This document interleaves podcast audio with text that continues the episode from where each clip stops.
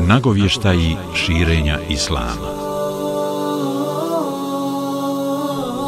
Allahov miljenik sallallahu alejhi ve sellem nastavio je predstavljati islam svakom uglednijem i poznatijem čovjeku koji bi došao u Meku, tražeći na taj način pomagače. Tako je islam ponudio i Suvejdu bin Samitu, kojeg su zvali Kamil, potpuni, a taj nadimak dali su mu zbog njegove snage, čvrstine i postojanosti. Porijeklom je bio iz medinskog plemena Evs, a došao je da obavi umru i hađ, pa ga je poslanik sallallahu alaihi veselem sreo i pozvao u islam. Učio mu je Kur'an, a Suvejd reče, u istinu je ovo divno. Poslije toga se vratio kući u Medinu i ne prođe mnogo vremena, a on bi ubijen u ratu poznatom kao Buas, koji se vodio između plemena Evs i Hazređ. Nakon što je poginuo, njegovi saplemenici su govorili Kamil je poginuo kao musliman. Ovo je prvi događaj. Drugi događaj koji je nagovijestio širenje islama van granica Meke bio je dolazak Ebu Hajsera Enesa bin Rafija sa grupom mladića iz plemena Benu Abdul Eshel u Meku, a među njima je bio i Ijas bin Muaz. Došli su da pokušaju sklopiti sporazum s Kurejšijama, želeći ih učiniti saveznicima protiv svojih sunarodnjaka iz plemena Hazređ, sa kojima su se sukobili.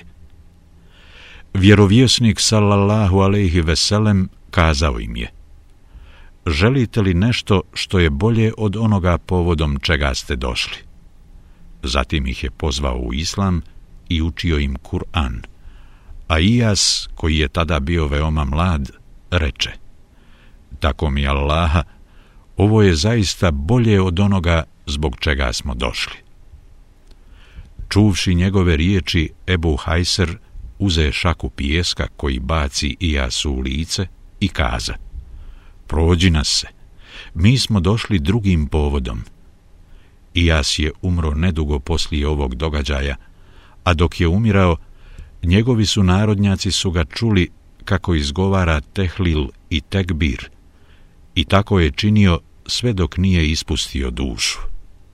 Niko i nije sumnjao u to da je umro kao musliman. Bio je ovo drugi događaj.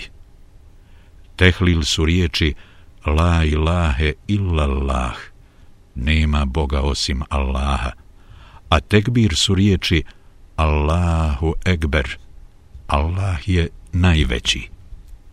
Po običaju, poslanik sallallahu alaihi veselem izlazio je u susret plemenima koja su pristizala u Meku s namjerom da obave umru i hađ, te je sa njima razgovarao i tražio pomagače i pristalice.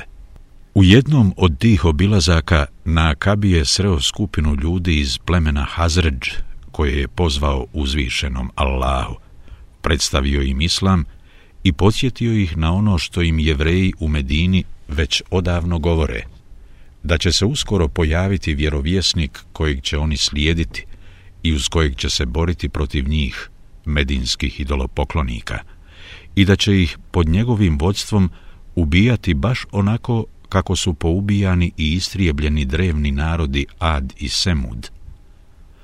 Poslušavši njegove riječi, jedni drugima rekoše, ovo je tako nam Allaha, vjerovjesnik kojim nam prijete jevreji.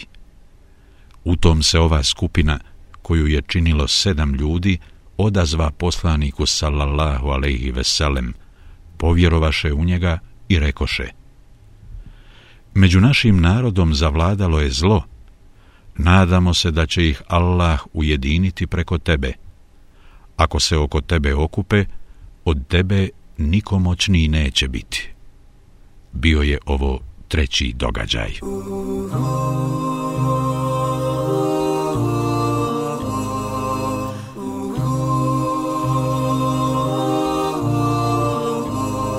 prva prisega na Akabi.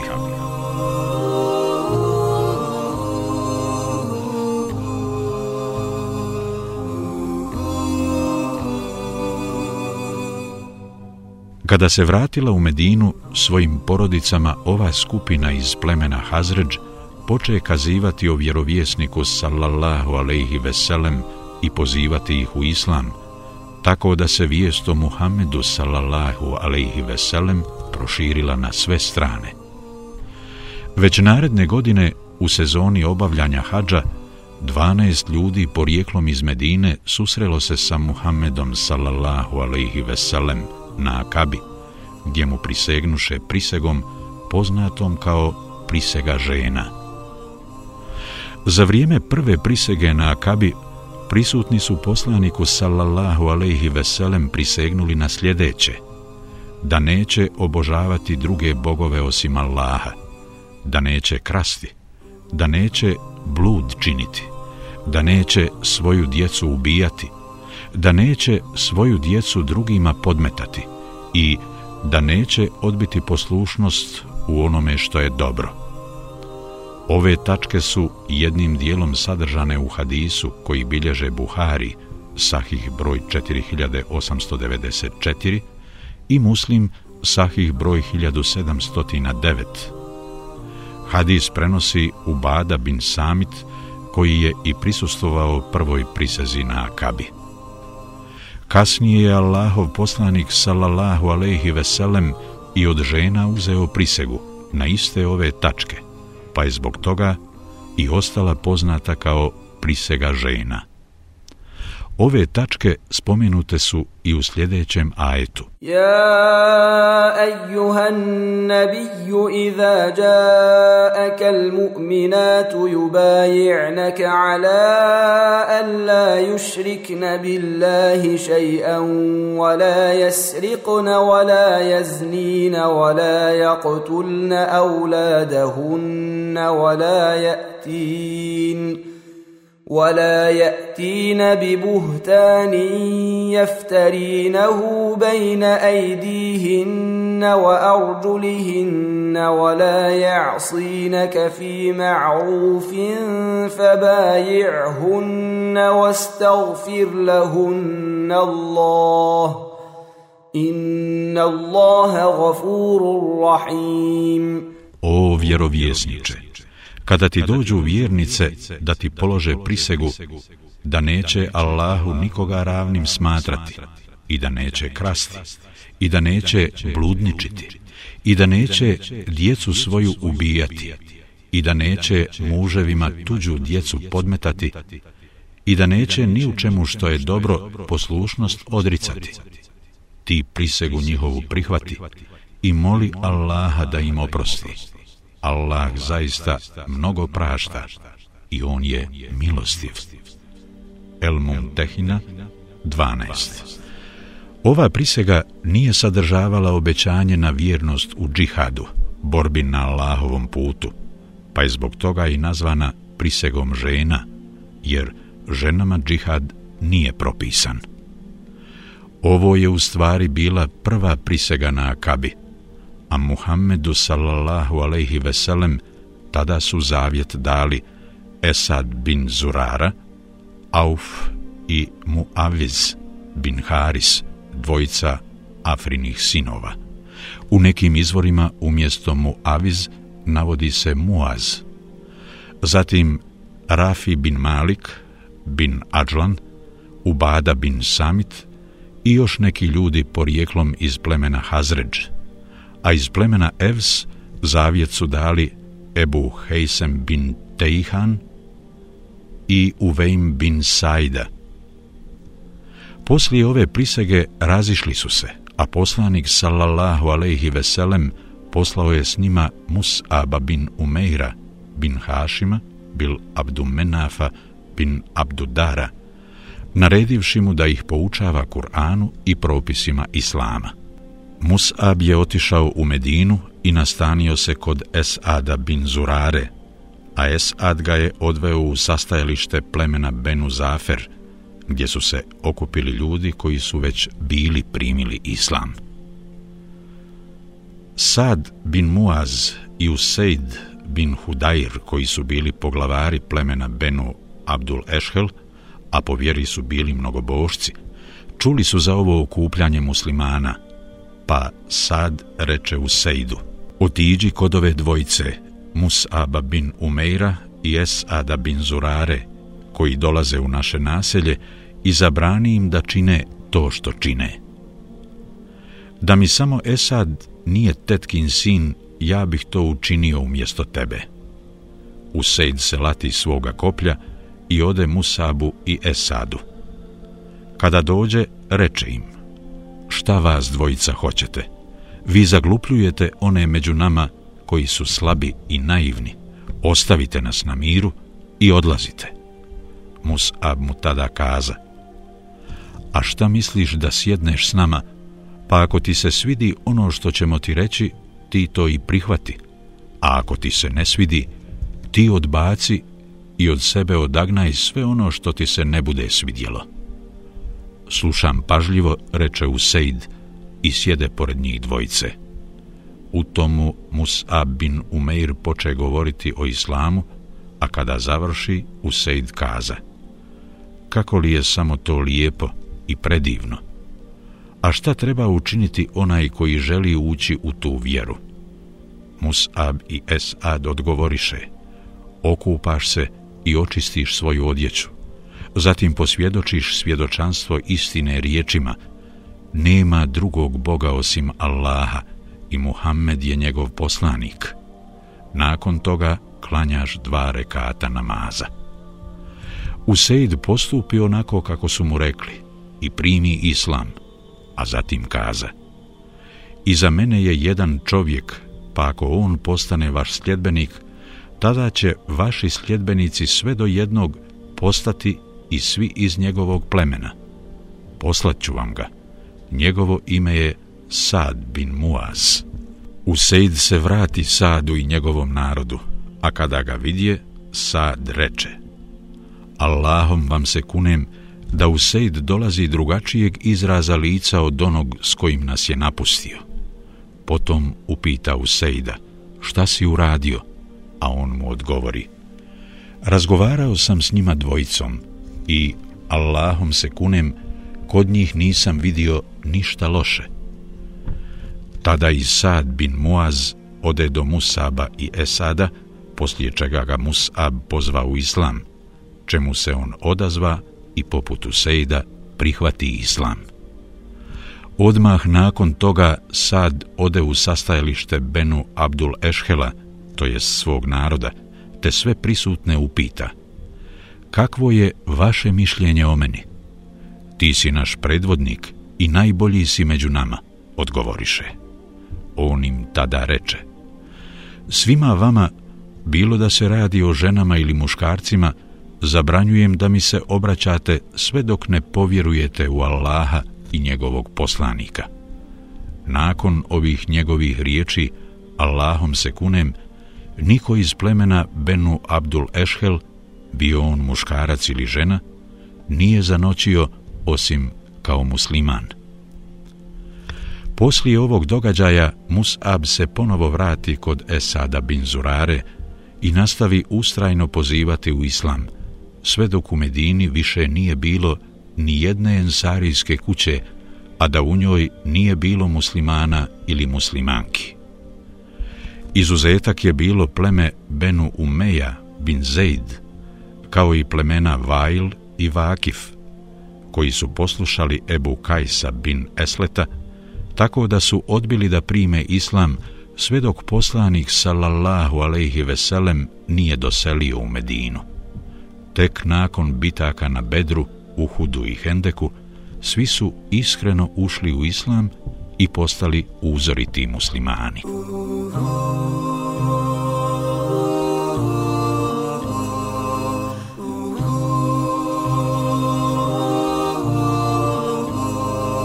Druga prisega na Akabi.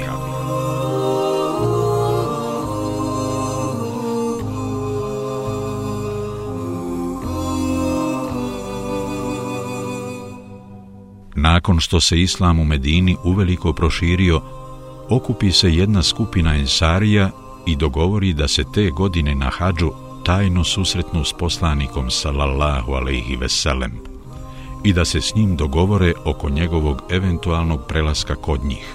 u Medinu. Otišli su u Meku i krišom stupili u kontakt s Muhammedom sallallahu alaihi veselem, obećavši da će se s njim sastati sredinom noći, tešrika, te tako u istinu i bi. To su 11., 12. i 13. dan mjeseca Zul Hidže, odnosno dani Kurban Bajrama. Opet se sastadoše na Akabi, a u grupi koja mu je ovaj put prisegla bilo je 70 ljudi i dvije žene. Ove dvije žene koje su mu dale prisegu bile su Nusejba bint Kab, poznata kao Umu Umara, i Esma bint Amr bin Adi, poznata kao Umu Menija. Sa Allahovim poslanikom sallallahu alejhi ve sellem došao je i njegov amidža Abbas, koji je u to vrijeme još uvijek bio nevjernik, ali je želio prisustovati tom događaju i uvjeriti se kako će Ensarije uistinu ispuniti sve ono što su obećali pružiti poslaniku sallallahu alejhi ve sellem. Prvi je progovorio Abbas. O pripadnici plemena Hazređ, kako vam je već poznato, Muhammed kod nas uživa ugled i zaštitu. Međutim, on se i pored toga želi vama pridružiti. Pa ako mislite da ste u stanju da prema njemu ispunite sve ono što ste mu obećali i da mu pružite istinsku zaštitu, tada ga prihvatite i za njega ste odgovorni. A ako smatrate da za to niste sposobni i da ćete ga drugima izručiti, onda ga se odmah prođite, jer on je kod nas zaštićen i uživa dostojanstvo i ugled. Ensarije kazaše, čuli smo šta si rekao. Reci sada nešto i ti, o Allahov poslaniče. Pričaj ono što želiš i ono čime je zadovoljan tvoj gospodar. Poslanik sallallahu alejhi ve sellem tada poče govoriti o islamu i njegovim ljepotama, a kad završi, prouči im nešto iz Kur'ana i upita. Štitit ćete me i braniti od svega onoga od čega štitite i branite svoje žene i svoju djecu. Tada Bera bin Mar'ur uze poslanikovu sallallahu alaihi veselem ruku i reče Da, hoćemo, tako nam onoga koji te poslao kao vjerovjesnika i sa istinom, branit ćemo te i štititi od svega onoga od čega branimo naše žene uzmi od nas prisegu, o Allahov poslaniče. Tako nam Allaha, mi smo sinovi rata, to jest mi smo sposobni i dobri borci i vješti smo s oružjem. Tu vještinu naslijedili smo od svojih predaka. Ovdje ga je prekinuo Ebu Hajsem bin Tejhan. O Allahov poslaniče, između nas i mnogih ljudi postoje razne veze ugovori i savezi i mi ćemo ih sve morati pokidati. Pa reci nam, ako tako postupimo, pa te Allah uzvisi i podariti pobjedu, hoćeš li nas napustiti i svome se narodu vratiti? Poslanik sallallahu alejhi ve sellem osmijehnu se i reče: Vaša je krv i moja krv, vaš je oprost i moj oprost. Ja sam vaš, a vi ste moji. Borit ću se protiv onih protiv kojih se vi borite. I u miru ću biti s onima s kojima ste i vi u miru. Ahmed, Musned 3 kroz 460, 461, broj 15836, sa dobrim lancem prenosilaca. Poslanikove sallallahu alejhi ve sellem riječi Vaša je krv i moja krv, vaš je oprost i moj oprost znače. Ako budete tražili osvetu i odmazdu zbog prolivene krvi nekog od vas, i ja ću je s vama tražiti.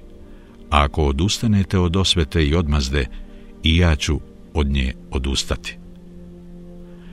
Nakon ovih riječi obrati im se Abbas bin Ubada el Ensari. O pripadnici plemena Hazređ, da li ste uopće svjesni na što vi prisežete ovom čovjeku. Vi mu prisežete da ćete se boriti i protiv bijelih i protiv crnih, odnosno protiv Arapa i nearapa, to jest protiv svih ljudi. Zato, ako mislite da ćete, ukoliko vaši imeci uslijed nedaća budu upropašteni, a vaše starješine i uglednici glave pogube, njega napustiti i iznevjeriti, onda ga ostavite odmah sada. A to bi Allahom se kunem bila sramota i na ovom i na budućem svijetu. A ako mislite da ćete svoje obećanje u potpunosti ispuniti, pored toga što će vaši imeci uslijed nedaća upropašteni biti, a vaše starješine i uglednici glave pogubiti, onda ga i podržite, jer Allahom se kunem, u tome je svako dobro i ovog i budućeg svijeta. Oni odgovoriše, mi ga uzimamo sa sobom i na sve pristajemo, pa makar i po cijenu da izgubimo i imetke i uglednike i poglavare. Zatim se okrenuše poslaniku sallallahu alaihi veselem i upitaše, a šta za uzvrat dobijamo o Allahov poslaniče? A on odgovori, džennet. Rekoše, pruži ruku da ti prisegnemo. On pruži ruku, a oni mu dadoše prisegu, ali drugačiju od one prve poznate kao prisega žena, jer mu sada prisegnuše i na rat protiv i bijelih i crnih, odnosno svih ljudi. Nakon prisege, poslanik sallallahu alejhi ve sellem među njima odredi 12 starješina, odnosno poglavara, devet iz plemena Hazređ, a trojicu iz plemena Evs. Starješine iz Hazređa bili su Esad bin Zurara, Sad bin Rebi, Abdullah bin Revaha, Rafi bin Malik, Berra bin Mar'ur, Abdullah bin Amr bin Haram, Ubada bin Samit, Sad bin Ubada i Munzir bin Amr bin Huneis. Iz Evsa su to bili Useid bin Hudair, Sad bin Hajsem i Rifa bin Abdul Munzir. Ovako je protekla druga prisega na Akabi, a kada se sve okončalo, prokleti šeitan je iznad Akabe iz sve glasa povikao. O stanovnici nastambi i boravišta, želite li ugrabiti prezrenoga, a zajedno s njim i otpadnike od vjere?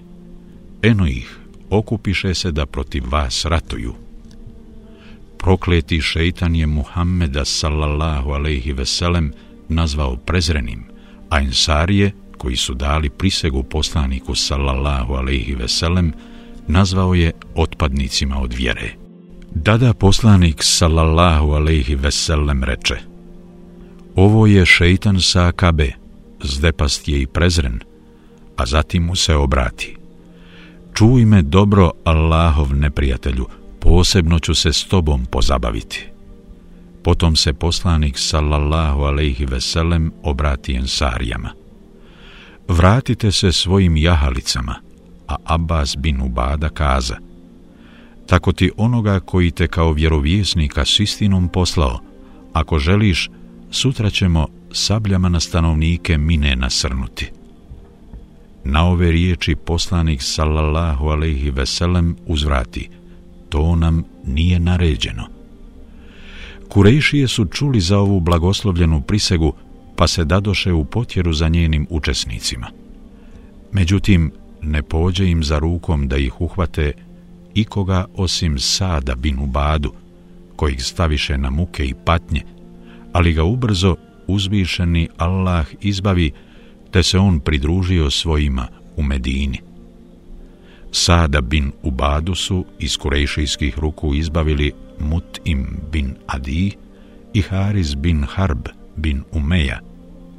Sad je njima garantovao siguran put za njihove karavane koje su prolazile pokraj Medine, pa su mu se na ovaj način htjeli zato odužiti. Poslije ovog događaja, Kurejšije se još više razbjesniše – te vjernike počeše dodatno patiti i zlostavljati, nakon čega poslaniku sallallahu alaihi veselem i vjernicima biva naređena hidžra u Medinu. Prvi koji je kao muhađir stigao u Medinu bio je Ebu Selema bin Abdul Esed. Poslije njega hidžru je učinio i Amir bin Rebija sa svojom suprugom Lejlom, a potom i Abdullah bin Džahš, nakon kojeg se ashabi zaredaše jedan za drugim, sve dok hidžru ne učiniše i Omer bin Hattab, Ajaš bin Ebu Rebija i drugi.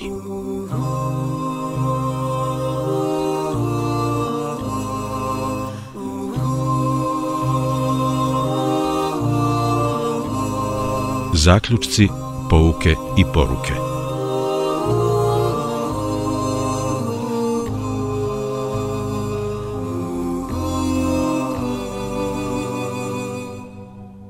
Prvo, Suvejd bin Samit, poznatiji kao Kamil, odlikovan je velikom čašću time što je bio prvi čovjek koji je lijepo prihvatio islam kada mu je to poslanik sallallahu alejhi ve sellem ponudio.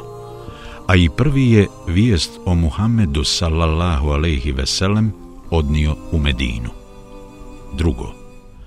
Isto tako mladić po imenu Ijas odlikovan je posebnom čašću i ugledom jer je čubši govor Muhammeda sallallahu alaihi veselem rekao Tako mi Allaha, ovo je zaista bolje od onoga zbog čega ste došli. Treće, ukazano je na vrline i odlike prve skupine ensarija s kojom se poslanik sallallahu alaihi veselem susreo na Akabi, gdje im je predstavio i ponudio islam koji su oni i primili tako da su se iskreno povjerovavši vratili u Medinu u kojoj su i proširili islam. Četvrto.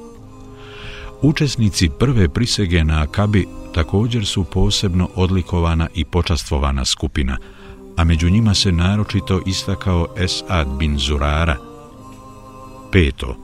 Mus'ab bin Umeir radijallahu anhu, šehid bitke na Uhudu, postao je najupečatljiviji primjer istinskog žrtvovanja na putu širenja Allahove vjere, kao i strpljivosti u iskušenjima i nedaćama, što ga svrstava u grupu najodabranijih i najodlikovanijih ashaba.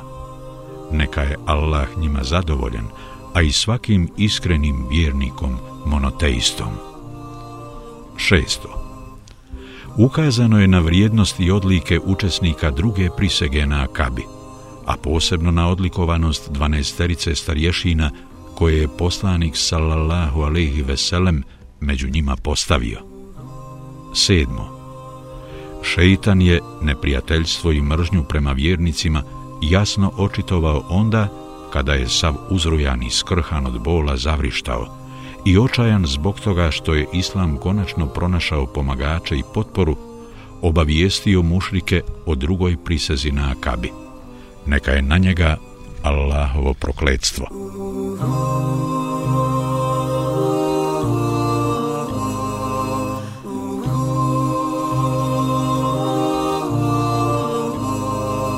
Nekoliko zanimljivosti. Riječi druge prisege na Akabi.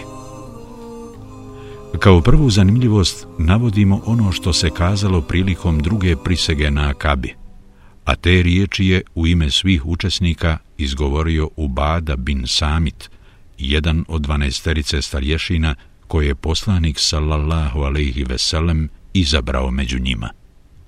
Ubada je rekao, Allahovom poslaniku sallallahu alaihi veselem prisegnuli smo prisegom borbe i rata i obavezali smo se da ćemo mu biti poslušni i pokorni i u teškoći i u olakšici, i kada nam to bude godilo, ali i kada nam se to ne bude mililo. Njemu ćemo u svemu prednost davati i nećemo vlast preotimati onima koji je drže s pravom.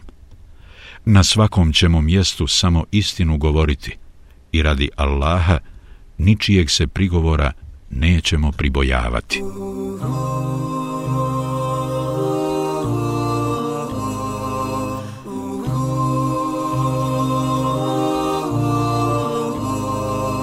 Muhađir i Ensarija.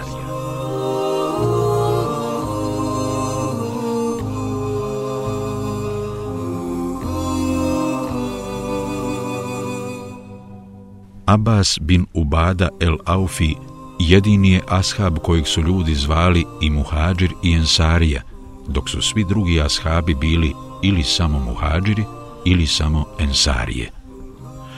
On je bio porijeklom iz Medine – ali je prije nego što će poslanik sallallahu alejhi ve sellem učiniti hidžru, otišao kod njega u Meku i tamo s njim boravio sve do hidžre.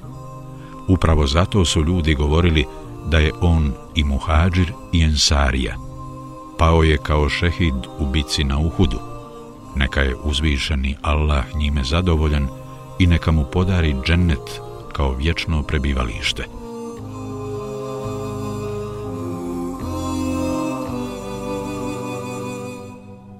Ensarije se zavjetuju na pomoć muhađirima.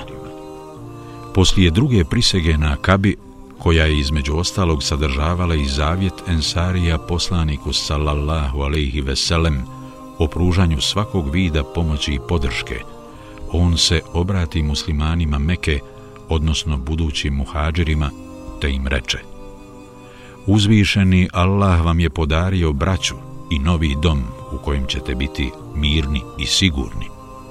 Nakon ovoga su muslimani Meke sve jedan za drugim u grupama činili hidžru u Medinu.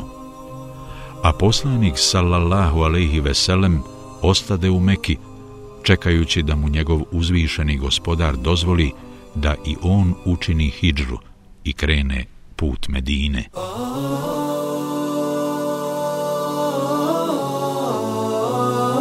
Ebu Selema, prvi muhađir u Medini. Ebu Selema bin Abdul Esed bio je prvi muhađir u Medinu, a hidžru je učinio otprilike godinu dana prije druge prisege na Akabi. Ipak, neki učenjaci zastupaju stav da je prvi muhađir bio Musa bin Umeir, a ne Ebu Selema. Ebu Selema bin Abdul Esed bin Hilal, čije je pravo ime Abdullah, Allah njime bio zadovoljan, prvi je Kurejšija iz porodice Benu Mahzum, koji je učinio hidžru u Medinu. Priča o njegovoj hidžri vrlo je zanimljiva, pa ćemo je prepričati. Nakon što se Ebu Selema vratio iz Abesinije u Meku, a bio je od onih koji su među prvima učinili hidžru u ovu zemlju, Kurejšije ga počeše uznemiravati i podvrgavati raznim provokacijama i torturama. Kada je čuo da su neki stanovnici Medine primili islam, odmah je odlučio da učini hidžru u ovaj kraj. Sa sobom je namjeravao povesti i suprugu u Muselemu kao i svoje dijete i već ih je bio smjestio na jahalicu kada ga presretoše ljudi iz klana Benu Mugira, kojoj je pripadala u Muselema, te mu rekoše, što se tebe tiče, nad tobom nemamo vlasti jer si odlučio kako si odlučio. Ali što se tiče ove tvoje životne saputnice, zašto bismo pustili da je vodiš kuda si naumio?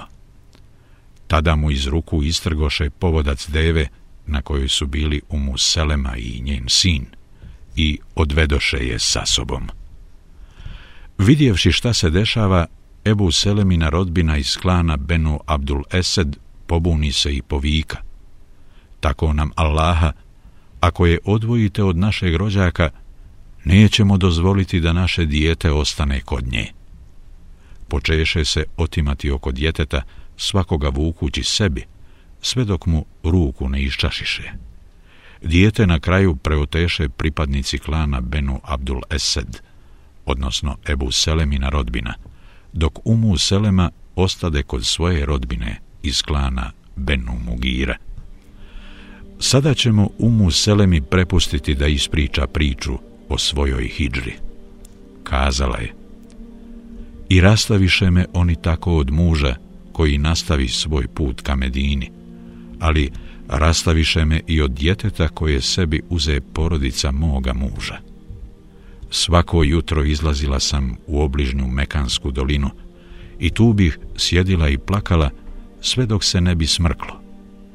Ovo je trajalo čitavu godinu ili nešto malo manje od godine, sve dok jednoga dana kraj mene ne naiđe čovjek iz roda mojih Hamidža, iz porodice Benu Mugira.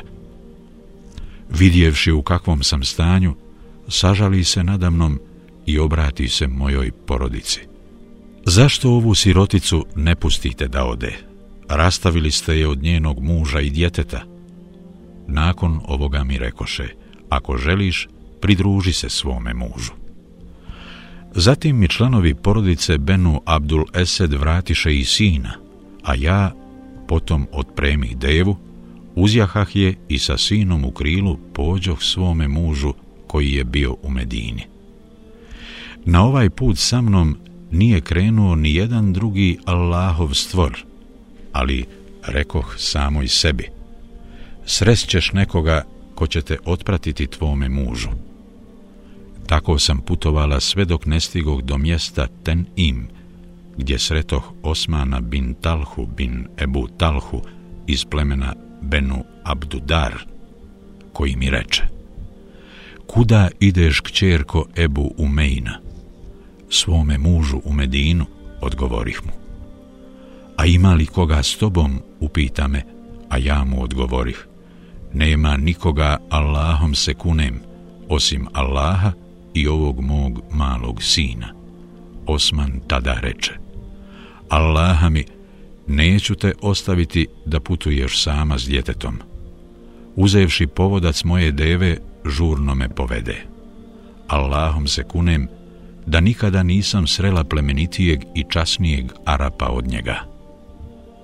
Kad god bismo stigli do mjesta na kojim smo odlučili konačiti, prvo bi zaustavio moju devu i natjerao je da klekne, a onda bi se udaljio od mene. Tek nakon što bih ja sjahala sa deve, on bi prišao i potom odveo devu do kakvog drveta, kod kojeg bi je rasedlao i svezao. Zatim bi se udalio i sebi pronašao mjesto ispod nekog drugog drveta, gdje bi se opružio i odmorio. Ujutro bi prije polaska osedlao i opremio moju devu, približio mi je, a onda bi se ponovo udaljio i rekao, uzjaši. Tako bih nesmetano uzjahala, a kada bih se udobno smjestila, on bi prišao, uzeo povodac moje deve i nastavio put. Tako je činio svaki dan, sve dok nismo stigli na domak Medine. Kada je ugledao selo Kuba, koje su nastanivali pripadnici plemena Benu Amr bin Auf, reče mi, tvoj muž je u onom selu, pa idi sa Allahovim blagoslovom. Potom se okrenu i krenu nazad, u Meku. Osman je tada još uvijek bio mušrik, a Islam je primio tek nakon mirovnog sporazuma na Hudejbiji. Tako mi Allaha, nije mi poznato da je i jednu islamsku porodicu zadesilo ono što je zadesilo porodicu Ebu Seleminu, niti sam ikada čula za časnijeg, uljudnijeg i plemenitijeg čovjeka od Osmana bin Talhe.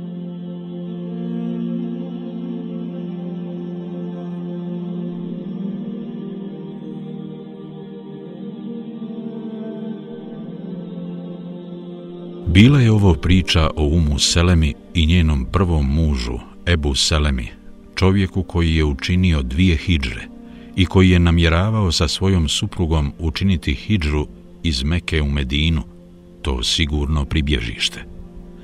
Međutim, desilo se šta se desilo, tako da on silom biva rastavljen od supruge i djeteta i još gore, njegov sin biva odvojen od majke. Tako je Ebu Selema bio prinuđen sam učiniti hidžru svome gospodaru. Umu Selema ostaje bez ikoga ko bi je tješio ili joj društvo pravio – i svakog dana odlazi u obližnju Mekansku dolinu, gdje po čitav dan lije suze. Slomljena i skrhana od tuge, vraćala bi se u kutak svoga doma. To tako potraja čitavu godinu, punih dvanest mjeseci, a zatim joj bi dozvoljeno da učini hidžru. Tako da ona, samo u društvu svog malog djeteta sjeda na devu i kreće na put dug deset dana jahanja. U istinu je potpuno tačno ono što je Umu Selema izjavila kada je rekla kako ne poznaje ni jednu muslimansku porodicu koja je proživjela ono što je proživjela Ebu Selemina porodica. Isto tako nekoliko puta je pohvalila uzoritost Osmana bin Talhe, koji se sigurno može navoditi kao primjer častoljublja i plemenitosti, bez premca. Ovaj čovjek nailazi na ženu koja na devi želi prevaliti put dug punih deset dana jahanja i to kroz bezvodnu pustinju u kojoj nema zelenila niti rastinja, te joj nakon što ju je upitao o njenom stanju, bez razmišljanja kaže Tako mi Allaha nema smisla ostaviti te. Zatim uzima njenu devu za povodac i lično je vodi ka Medini, postupajući prema njoj na najljepši način prilikom njenog penjanja na devu i spuštanja s nje, pokazujući tako visok nivo pristojnosti i učtivosti, kakav se veoma rijetko sreće. Ne možemo, a da ne uzdahnemo i sjetno se upitamo, gdje nestadoše ovako učtivi i pristojni ljudi koje krase plemenitost i smjelost tako visokog nivoa. U današnje vrijeme ovakvi kao da ne postoje, a nema mnogo dobra u svijetu u kojem više ne žive ljudi poput Osmana bin Talhe.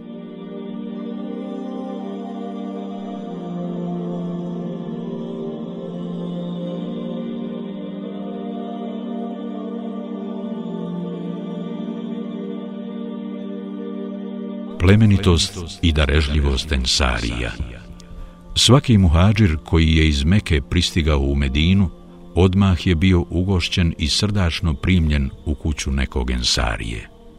Ovo je bilo pravilo bez izuzetka. Pitamo se, može li postojati veća plemenitost od ove koju su pokazali ensarije? Koja je to vrsta bratstva iskrenija od ove?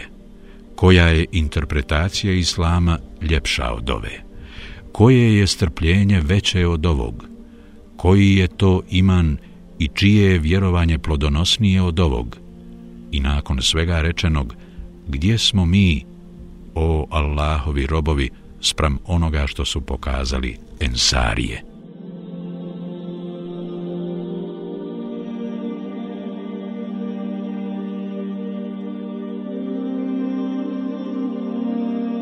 Hidra Suhejba Er-Rumija Kada je Suhejb želio učiniti hidžru u Medinu, nevjernici Kurejšije mu rekoše Došao si nam kao bjednik i teški siromah, pa kada si se među nama obogatio i dostigao stepen koji si dostigao, želiš otići i sa sobom sav imetak ponijeti.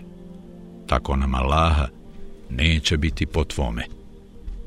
Suhejbim tada reče, a ako vam ostavim sav svoj imetak, hoćete li me pustiti da na miru odem? Svakako da hoćemo, odgovoriše mu. Onda vam ostavljam sav svoj imetak, reče Suhejb, i pokaza im gdje se imetak nalazi, nakon čega učini hidžru. Kada ga je poslanik sallallahu alaihi veselem vidio, pohita mu u susret govoreći, isplatila ti se trgovina o Suhejbe, isplatila ti se trgovina, o Suhejbe. Hadis u kojem se spominje ovaj događaj bilježi Hakim Mustedrek 3 kroz 452, broj 5706, sa ispravnim lancem prenosilaca. S tim da se u njemu navodi da se poslanik sallallahu alaihi veselem Suhejbu obratio nadimkom, tako da je kazao, o Ebu Jahja, uspjela ti je trgovina i to je ponovio tri puta. Suhejb radijallahu anhu rekao mu je Allahov poslaniče, niko od ljudi ti još uvijek nije mogao prenijeti vijest o meni. U istinu te je o svemu obavijestio Džibril. U vezi s njim i ovim događajem uzvišeni Allah objavio je ajete koji će se učiti do sudnjega dana. وَمِنَ النَّاسِ مَنْ يَشْرِي نَفْسَهُ بِتِغَاءَ مَرْضَاتِ اللَّهِ وَاللَّهُ رَؤُوفٌ بِالْعِبَادِ Ima ljudi koji lično sebe otkupljuju da bi Allaha umilostivili a Allah je milostiv robovima svojim. El Bekara 207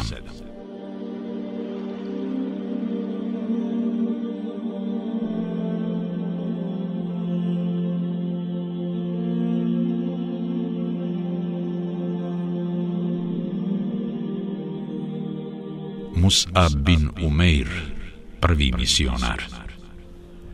Poslanik sallallahu alejhi ve sellem sa učesnicima prve prisege na Akabi u Medinu šalje Mus'aba bin Umeira bin Hašima bin Abdumenafa, naredivši mu da nove muslimane poučava Kur'anu, islamu i vjerskim propisima, pa je stoga i dobio nadimak Mukri, to jest onaj koji druge poučava Kur'anu.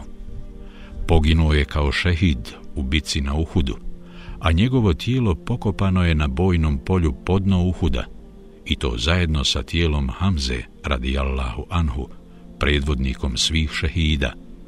Stoga, kada se odlazi u posjet šehidima Uhuda, njih dvojica bivaju posjećeni zajedno. Allah neka je njima zadovoljan i neka džennet učini njihovim prebivalištem.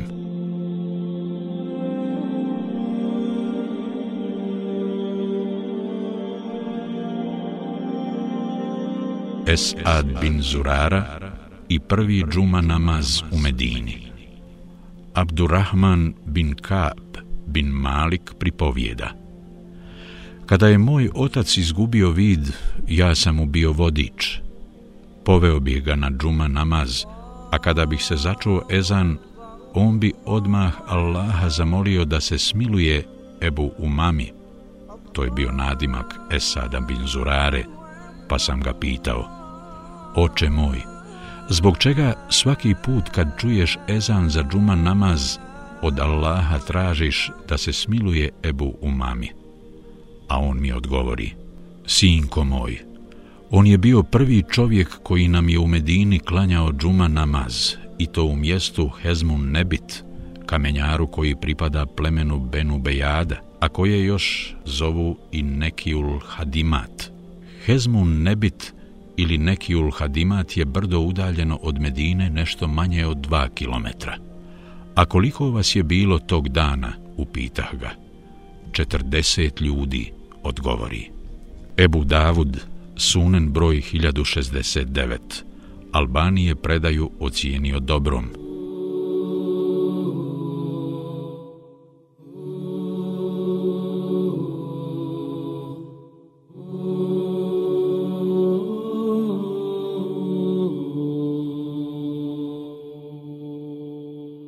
Priča o Amru bin Džemuhu i njegovom idolu. Nakon što su se učesnici druge prisege na Akabi vratili u Medinu, javno su obznanili da su primili islam i postali muslimani. U toj skupini između ostalih bili su i Muaz bin Amr i Džemuh i Muaz bin Džebel. Amr bin Džemuh, otac prvog Muaza, kojeg smo spomenuli, još uvijek je bio idolopoklonik. Imao je idola od drveta kojeg je brižno čuvao u svojoj kući, a prema njemu se odnosio onako kako su se prema svojim idolima odnosili medinski uglednici i velikodostojnici. Obožavao ga je i veličao posebnim molitvama. Amrov sin Muaz, Muaz bin Džebel i još neki mladići koji su primili islam, tokom noći uđoše u njegovu kuću, kradomice uzeše tog idola i odnesoše ga na teritoriju plemena Benu Selema do jedne rupe koja je bila ispunjena ljudskim izmetom i nečistoćama, te ga u nju baciše. Ujutro Amr primijeti da je njegov idol nestao, pa se dade u potragu za njim, sve dok ga konačno i ne pronađe strmoglavljenog u onoj rupi, umazanog i uprljanog nečistoćama izvadio ga iz rupe, očistio, namirisao, pa ga opet postavi na počasno mjesto u svojoj kući, rekavši. Kad bih samo znao ko ti je ovo učinio, sigurno bih ga dobro istukao. Naredne noći mladići ponovo uzeše idola i učiniše s njim isto što i prošli put, a on ga opet pronađe i ponovo ga očisti i namirisa.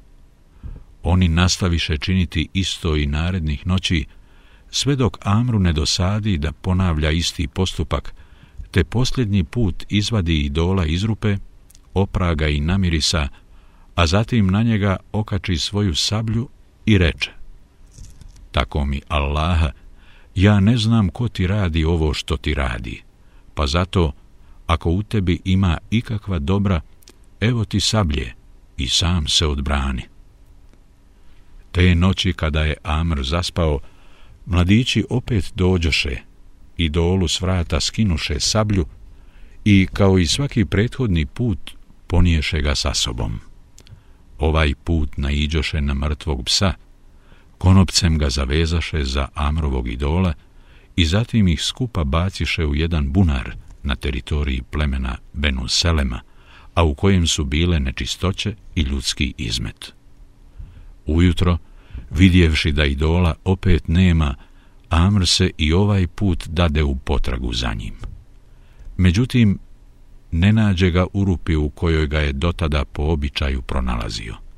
Tražio ga je sve do ga ne pronađe u spomenutom napuštenom bunaru i vidje da je strmoglavljen i još vezan za mrtvog psa. Kada vidje taj prizor i stanje u kojem se nalazio njegov idol, shvati da on ni u kojem slučaju ne zaslužuje da bude obožavan. Poslije ovog događaja Amru su islam predstavili neki njegovi sunarodnjaci i on postade musliman. Obraćajući se svome idolu, izrecitovao je sljedeće stihove. Allahom se kunem božanstvo da si bio, zajedno sa psom u bunaru ne bi završio. Recitovanje je završio sljedećim riječima. Allahu uzvišenom hvala koji daje blagodati. El Vehabu Er Rezaku pred kojim će se račun polagati. Samo on me izbavi i na pravi put mi ukaza. Prije nego skončah u tami mračnog kabura. El Vehab i Er Rezak su dva lijepa Allahova imena. El Vehab znači onaj koji mnogo poklanja i daruje, a Er Rezak znači onaj koji obilno obskrbljuje.